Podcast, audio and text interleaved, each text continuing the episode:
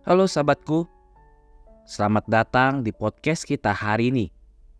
Kita akan membahas tentang semangat rohani dan kekuatan yang bisa kita temukan dalam cerita hidup Santo Yohanes Paulus II. Kita akan melihat betapa api cinta Allah seperti api yang besar, menyebar dengan sentuhannya. Satu pohon menyala dan kemudian menyulut pohon lainnya. Sebuah percikan kecil bisa membakar seluruh hutan.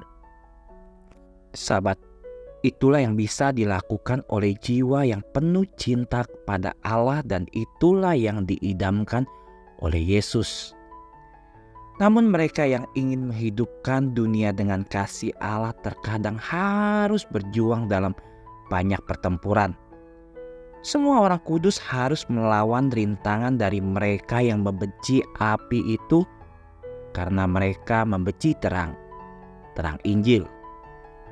Sahabat, semua orang-orang kudus tangguh.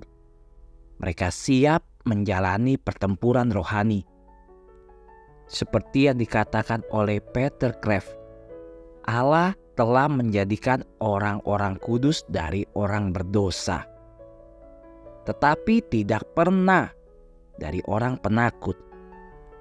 Santo Yohanes Paulus II adalah contoh yang baik. Karol lahir di Wadowice, Polandia pada tanggal 18 Mei 1920 Kakak perempuannya Olga telah meninggal sebelum kelahirannya. Ibu Carol meninggal ketika ia berumur 9 tahun. Satu-satunya saudara Edmund juga meninggal ketika ia berusia 12 tahun. Dan akhirnya ayahnya meninggal saat perang dunia kedua ketika dia berumur 20 tahun. Dia tidak memiliki keluarga lagi.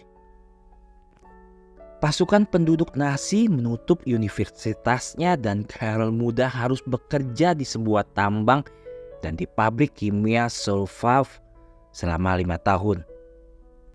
Selama waktu itu, dengan sadar akan panggilannya untuk menjadi imam, ia mulai belajar di seminaris Kandestin di Krakow. Banyak teman-temannya tewas ketika dia menjadi seorang imam kaum komunis mengawasinya. Di usia 60 tahun, seorang pembunuh hampir membunuh dengan tembakan.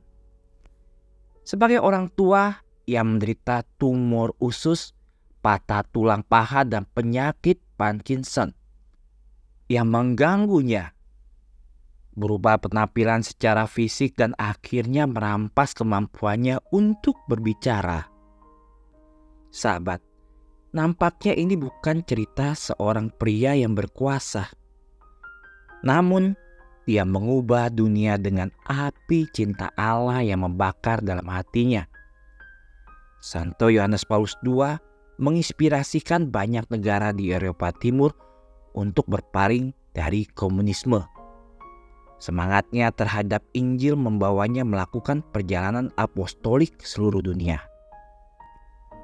Tidak ada penyakit, nasi, komunis, atau peluru yang bisa memadamkan nyala api itu, karena itu adalah api ilahi. Orang-orang kudus tidak terbentuk dari orang-orang penakut.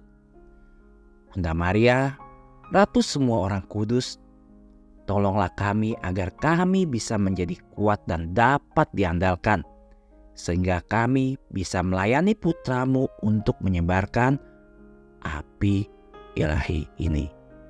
Bunda Maria, harapan kita dan tata kebijaksanaan, doakanlah kami.